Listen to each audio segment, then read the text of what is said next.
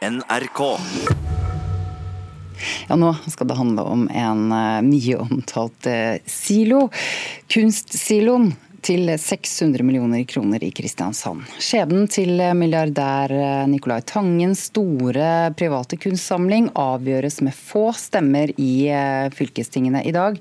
Et av de største samarbeidsprosjektene mellom det offentlige og det private noensinne splitter Sørlandet. På gaten eh, i Sørlandets hovedstad er eh, siloen rett og slett veldig omstridt. Jo, jeg syns det er gøy. Om det blir bare for fiffen, da syns jeg det er noe gøy. Det går jo på bekostning av noe annet. En sliten kornsilo skal gjøres om til et kunstmuseum. Og milliardær Nicolai Tangen har gitt hjembyen en kunstsamling på mer enn 1500 verk. Planen er jo å snu opp ned på hele Kunst-Norge. Foreløpig har Tangen bare rukket å sette hele Sørlandet på hodet. Da det ble kjent at han satte som betingelse for gaven at den skal henge i kunstsiloen i sjøkanten, ble det bråk. I hjembyen Kristiansand er meningene delte. De snakker jo om at det blir mange eldre etter hvert. og, og det, altså, Hvem skal ta seg av de? De må, må jo òg ha en plass å være. Jeg er jo for sånne ting som dette her, for jeg syns det er fint å ta vare på litt sånn gamle ting. Og, og kan bruke det til noe nyttig noe. Det går greit, har jeg sagt. Det går greit. Jeg har jo veldig sansen for at vi får et, eh, et sånn spennende eh, museum her i, i, byen, da. Men eh, jeg må jo innrømme at motstemmene har jo gjort at en begynner å lure litt på økonomien i det. Men jeg håper på det beste. Så jeg er for, hvis jeg skal si ja, hvis jeg tar det svart-hvitt, så er jeg for. Det er vedtatt å bygge kunstsilo til 600 millioner kroner uansett. Staten bidrar med 175 millioner kroner. 100 millioner kommer fra den private stiftelsen Kultiva og andre private givere. Resten kommer fra kommune og fylke. Det politikerne krangler om nå er driftsutgiftene. Fylkestingene skal i dag ta stilling til om de vil bruke ytterligere tre millioner kroner på drift. Uten flertall for dette står hele prosjektet i fare. Ordfører Harald Furre fra Høyre krysser fingrene. Ja, jeg syns det ville være ille hvis uh, ikke Sørlandet og Kristiansand evner å ta imot uh, den kunstdonasjonen som Nicolai Tangen har gitt. Det er jo en fantastisk samling av norsk og modernistisk kunst fra 1930 til 1980. Og som vil vekke mye oppmerksomhet når den blir stilt ut. Og det bør være hos oss. Erik Rostoft, ordførerkandidat for tverrpolitisk folkeliste i Kristiansand, er helt uenig. Partiet hans slåss mot kunstsiloen. Vi har veldig mange oppgaver i Kristiansand å, å starte på. Og da tenker vi at vi har rett og slett ikke råd til å motta gaver hvor egenandelen er så høy. Jeg er ikke imot kunst, men vi er imot eh, fordi den eh, inkluderer svært mye offentlige midler som vi har, eh, ønsker å bruke på en del andre kommunale tjenester. Sørlandets kunstmuseum, som eventuelt skal flytte inn i kunstsiloen, er spente før behandlingen i fylkestingene i Agder i dag. Uten penger til drift blir det ikke byggestart etter sommerferien. Vi krysser fingrene og holder pusten, og håper jo at vårt uh, grundige og langsommelige arbeid med denne saken skal ha gitt det nødvendige underlag for de uh, vedtak som skal tas både i fylkesting og i bystyret. Og han som krysser eh, fingre og holder pusten, eh, det er Reidar Fuglestad, administrerende direktør i Sørlandets eh, kunstmuseum. Reporter Tone Staude, du kan se bilder av denne kunstsiloen på nrk.no. Men vi har fått i studio um, Agnes Moxnes, kunstkritiker, kunstkommentator. Kulturkommentator. Kulturkommentator. Hvorfor vekker denne siloen så mye engasjement i Kristiansand? Særlig to grunner, vil jeg si. Det ene symbolsk, det andre økonomisk. Hvis vi tar penga først, så er det altså lagt til grunn at besøkstallet på Sørlandet kunstmuseum skal øke med tigangeren når den nye kunstsiloen åpner i 2021. Det er det mange som tviler på, og for dess eh, færre besøkende, dess mer må jo kommune og fylke og skattebetalerne ut med. Når det gjelder det symbolske, så har retorikken mot kunstsiloen vært ganske røff de siste månedene. Handlet veldig mye om å drikke champagne og spise jordbær med de rike.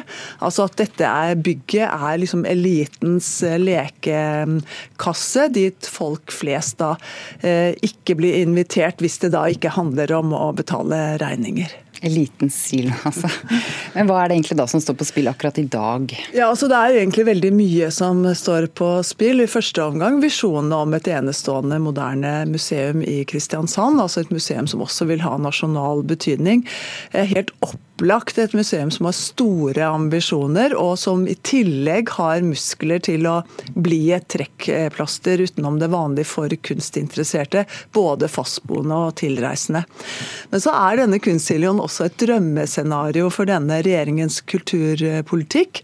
Altså at den styrtrike fondsforvalteren Nicolai Tangen kommer hjem til eh, fødebyen Kristiansand, slår seg sammen med hjembyens offentlige museum og viser hva som kan oppnås hvis de private og offentlige slår pjaltene sine sammen. Og Hvordan eh, kommer det til å bli tolket da hvis eh, sørlandspolitikerne sier nei? Ja, altså Hvis man er av den legning at man syns det er viktig at man har en offensiv nasjonal kulturpolitikk, så vil mange si at, eh, eller tolke dette her i den retning at fylkene og kommunene ikke er til å stole på når det gjelder kultur. Fordi Norge i disse dager er i ferd med å legge om kulturpolitikken sin. Mye mer makt og penger skal ut til regionene regionene. Og Det forutsetter at det er et godt samarbeid mellom stat og fylke, kommune. Eh, og De som er kritiske til denne utviklingen her på kulturfeltet, de vil nok få vann på mølla hvis Agder sier nei i dag. Og Hvis fylket sier ja, er konflikten over da? Ja, realiteten er den jo det. Da kommer nok denne kunstsiloen opp og blir, eh, blir, en realitet. Men stille tror jeg ikke det kommer til å bli. Kunstsiloen er blitt Sørlandets bomstasjon, for å si det sånn. Irritasjonen over den er veldig stor, og, og det kommer til å merkes fremover mot kommunevalget. Men det er jo et sinne som norske museer bør ta på alvor. For det er alvorlig når så mange helt tydelig opplever at dyre offentlige museer ikke er for dem. Så hvordan tror du at dette går i dag? Jeg tror med knappest mulig flertall at det går i retning av at kunstsiloen får den støtten den, den, trenger. Eh, hvis den ikke får det, så er det et styremøte i Sørlandet kunstmuseum på fredag. Der sitter Nicolai Tangen. Han har så langt bidratt med mer enn 400 millioner kroner for at denne kunstsiloen eh, med innhold skal bli realisert. Og Så får vi se da om han eventuelt også er villig til å putte på mer penger hvis det trengs. Men det er i første omgang eh, de, altså politikerne og velgerne som nå bestemmer dette her. Takk, kulturkommentator her i NRK, Agnes Moxnes. I Bergen skjer det noe stort i dag. Bryggen museum åpner igjen etter å ha vært stengt i nesten et år for å få en helt ny utstilling, hvor eh, vi kan se enestående gjenstander fra middelalderen som er gravd opp nettopp der ved den, eh, ved den hansiatiske bryggen. Og Ingunn Vassvik Mikkelsen, Bergens Tidende i dag har et stort oppslag om at eh, museumsdirektøren der frykter noe. Hva frykter hun? Strømkollaps. Kollaps i det elektriske anlegget. Fordi at uh, Samtidig som de da uh, åpner ny utstilling som jo koster, skal koste opp mot 30 millioner, så trenger Bryggen akutt rehabilitering. Ansatte sitter på kontorene sine uten ventilasjonsanlegg, tak og vindu bør skiftes ut, det er vannskader i veggene, og det elektriske anlegget er altså så sjabert at de, de frykter at det skal kollapse, at de må stenge døren. Og da spør vi oss. Hvordan kan det ha seg at museet brukte penger på den nye utstillingen, 30 millioner kroner, og ikke på å ordne bygningen og kablene? Altså, her er det snakk om øremerka statlige kroner, som da er øremerka til utstillinga. Og Museet har spurt om å få lov til å bruke litt av det til rehabilitering, men har altså ikke fått lov til det. og Da må det stortingsvedtak til, og det er vanskelig å få til. Eh, de har også søkt om å få penger til rehabilitering i fire år på rad uten å ha fått det. Men nå har de en eh, ny søknad inne i, eh, hos Kulturdepartementet og skal altså få svar i oktober på om de kan få noen kroner. Så det er jo håp. For de skjøre gjenstandene på Bryggens museum. Takk skal du ha, Ingunn Vasvik Mikkelsen.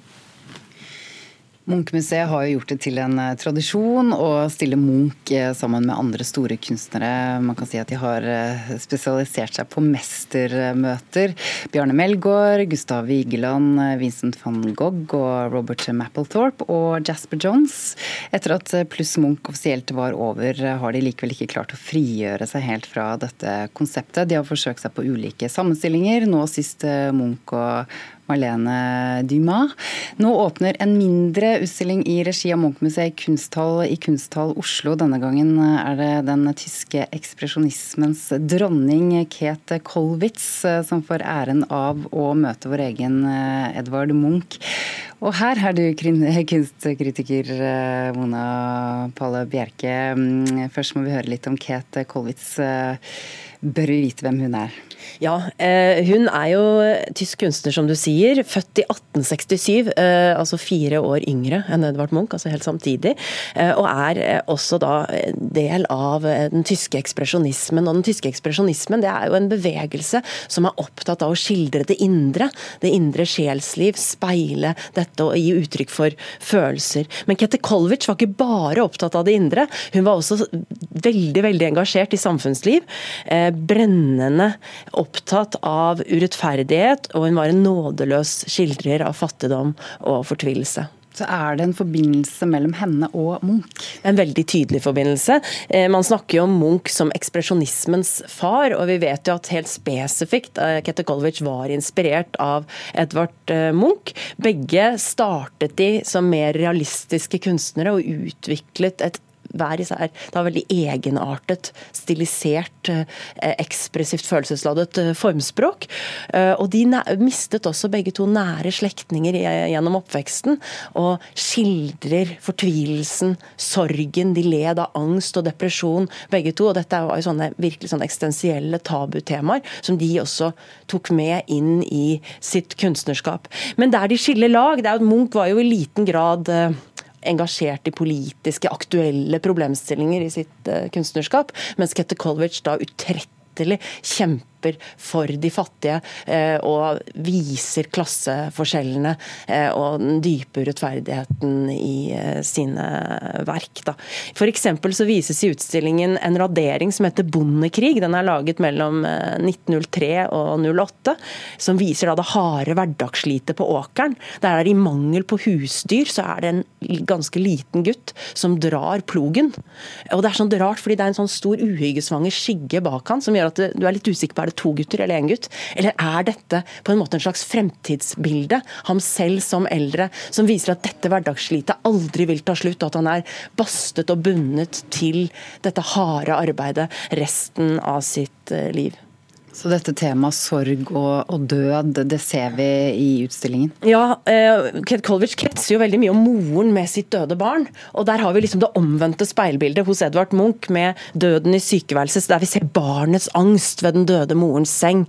De vidt oppsperrede øynene, den nakne redselen for denne fremtiden uten det viktigste omsorgsmennesket. Kolwitz og Munch var jo uh, også malere, men i denne utstillingen så er det grafikk? Mm. Jeg syns det er et veldig godt grep. Det gir utstillingen en stramhet og en sammenheng som er veldig fin. Og dette er også et medium der begge to virkelig briljerer, med den der utskårede, liksom rissede streken fremfor den tegnede eller den malte. Vi har eh, evaluert mange mestermøter eh, der eh, Munch inngår. Er Kete Kolwitz en verdig kunstnerisk sparringpartner? Virkelig, og det er ganske veldig ofte at jeg har tenkt at Munch liksom overstråler og overskygger, men her er det faktisk omvendt. Det er Kete Kolwitz som liksom griper mest, og det er helt fantastisk å se. Hun har skaper et så følelsesladet, så intenst og så mektig uttrykk, og dette er ekspresjonismens dronning og konge på samme brett, så dette må man bare få med seg. Og denne utstillingen kan oppleves i Kunsthall Oslo i Bjørvika frem til 29.9. Takk for at du kom i studio, Mona Palle Bjerke, kunstkritiker her i NRK.